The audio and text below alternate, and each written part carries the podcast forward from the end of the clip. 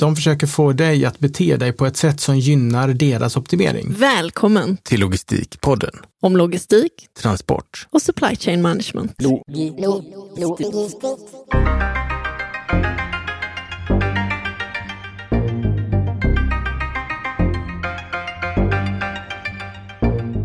Varmt välkommen till Logistikpodden. Jag och P.O. vi brinner för att dela kunskap och inspiration.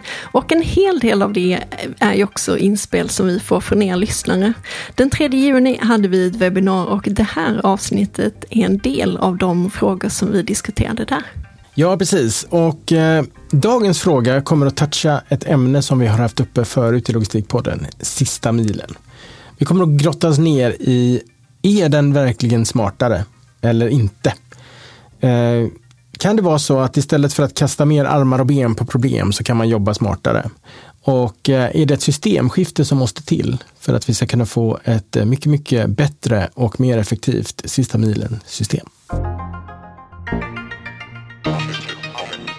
Eh, Jan skriver positivt överraskad över vad covid gjorde för e-handel grocery. Det visar att gamla beteenden kan ändras. Och sen säger Peter Helin vi måste självklart dela mera resurser inom last mile. Ett fordon ska köra delade leveranser till personer och företag i ett område. Och de där två är bägge två kretsar kring eh, kapillära flöden. Alltså det som har varit och fortfarande är väldigt olönsamt. Det vill säga hur når man folks hem eh, och hur gör man det på ett resurseffektivt sätt. Och eh, där ser vi väldigt, stor, eh, väldigt stora transformationer pågår. Vi ser en, eh, eh, eh, det är ett krig egentligen, kriget om sista milen. Där, och vi har haft uppe det i podden många, många gånger. Eh, där vi ser att eh, det gäller att hacka det systemet på något sätt. Eh, för du kan inte bara slänga fler fordon på det. Det är ett sätt att lösa problemet. Släng ut fler människor, fler fordon i systemet som kan bära fler paket till fler och fler ställen. Men det är ju ett ganska så eh, ointelligent sätt att göra det på för att det blir väldigt, väldigt dyrt. Då är det mycket bättre att börja jobba lite smartare, eh, som Peter säger, att dela resurser, det vill säga att man hela tiden jagar den här optimeringsmöjligheten och jobbar mer och mer opportunistiskt. Och då handlar det om att bygga en sweet spot mellan det storskaliga eh, produktionsflödet där man kanske kommer med lite större fordon som är fyllda mer och levererar till ett ställe. Vi har ju vårt eh, system med utlämningsställen i Sverige som är lite grann åt det hållet.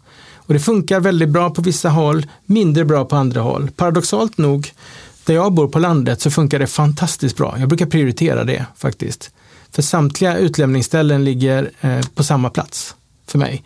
Och det är på väg hem, eller det är vid våran mataffär. Så att oavsett vart jag ska så kommer jag alltid att kunna passera vårt utlämningsställe.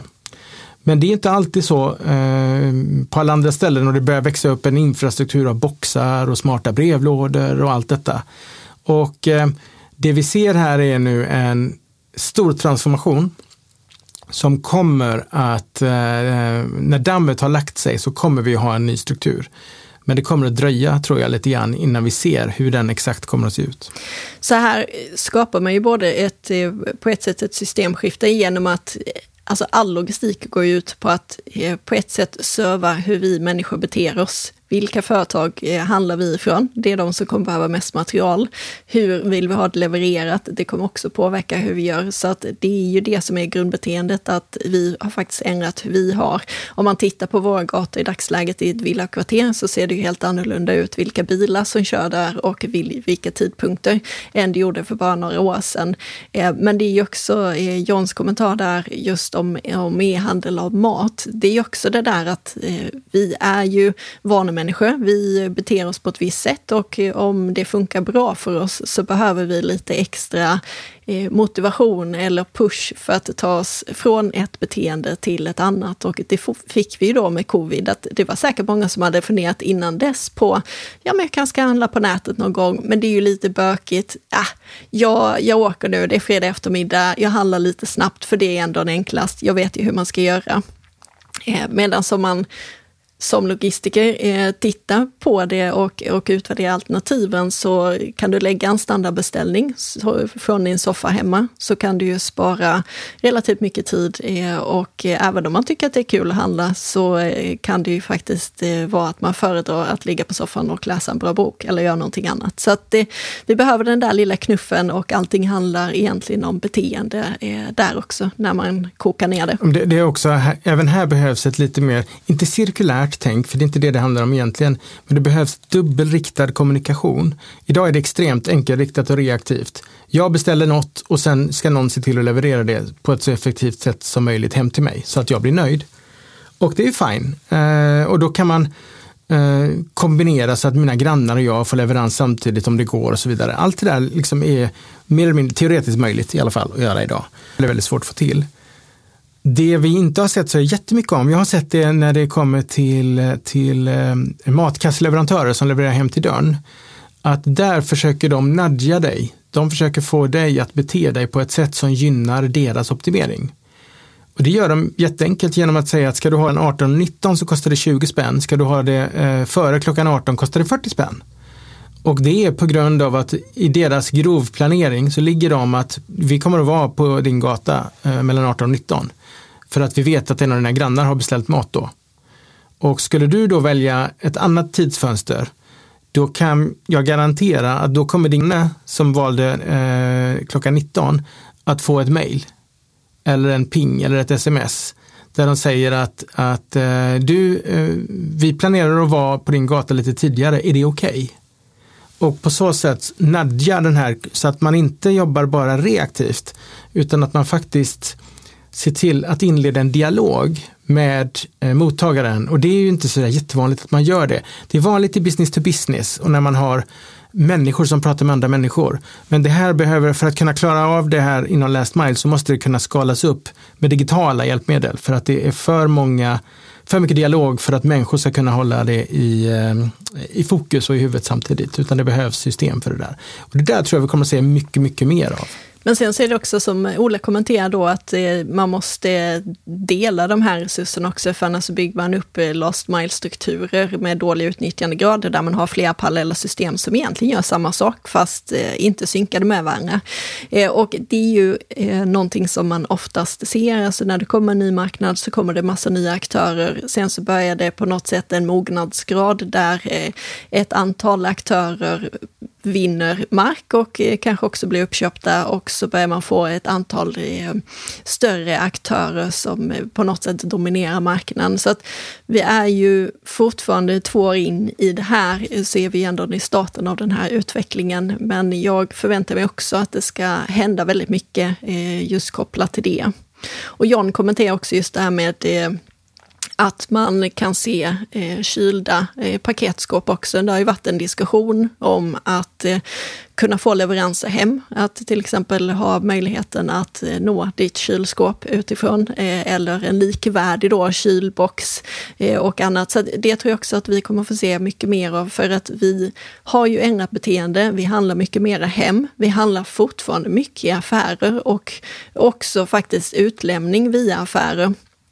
Så att eh, man kan tänka att eh, väldigt mycket går hem, men det går faktiskt väldigt mycket till utlämningsställe fortfarande. Så att det kommer ju bli en kombination av de här olika systemen.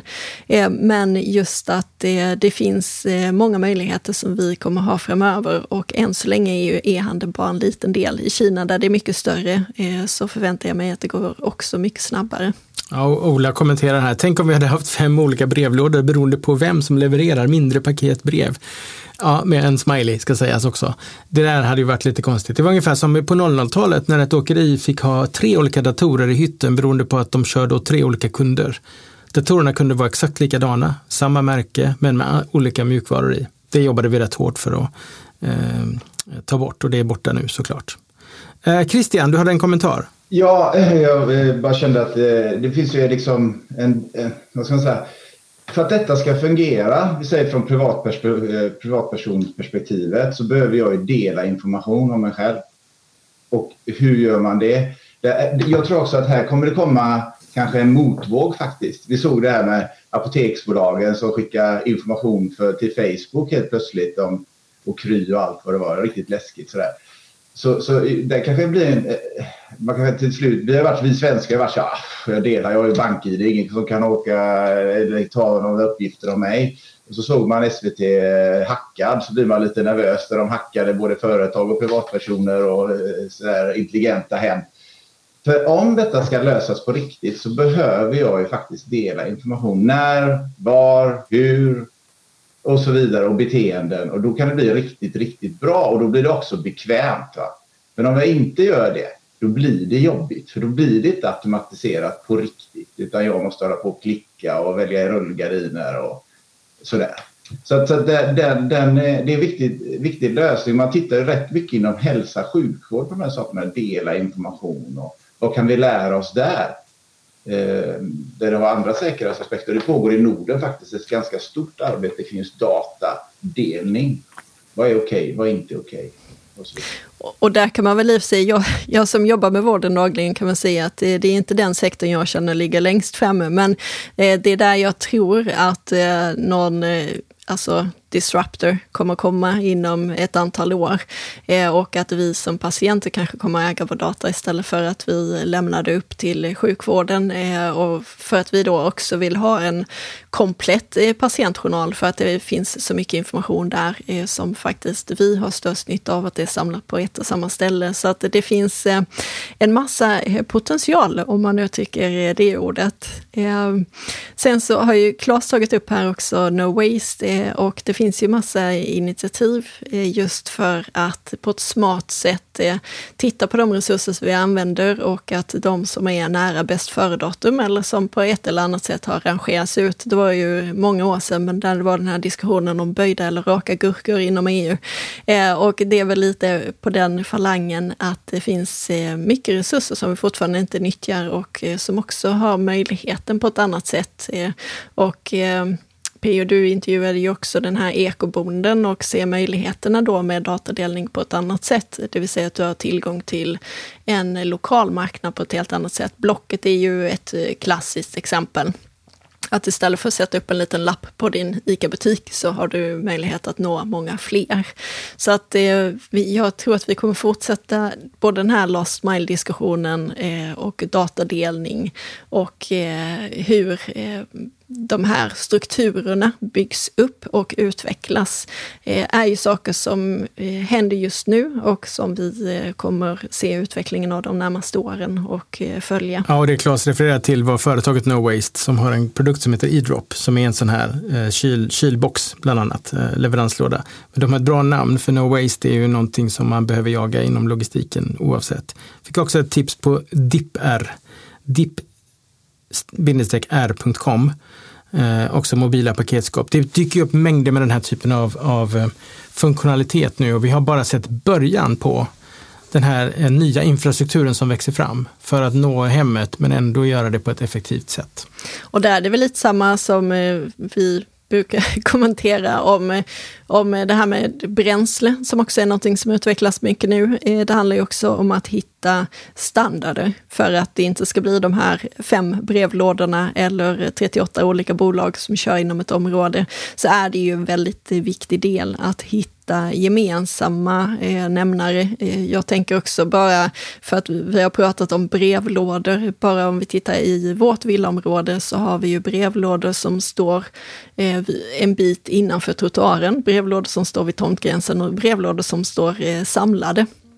Eh, där det är väldigt olika förutsättningar för de som åker och eh, delar ut eh, varor i området. Så att det finns ett, ett stort behov av att också samlas och det är ju som vanligt en, en väldigt svår fråga att hitta de här standarderna. Gillar du Logistikpodden så glöm inte att gå in på www.logistikpodden.se och signa upp dig för vårt nyhetsbrev så får du alltid information om när nya avsnitt har dykt upp. Gå också in på Facebook, LinkedIn och Instagram och gilla oss och dela och kommentera så att vi kan fortsätta att leverera det du vill höra om logistik.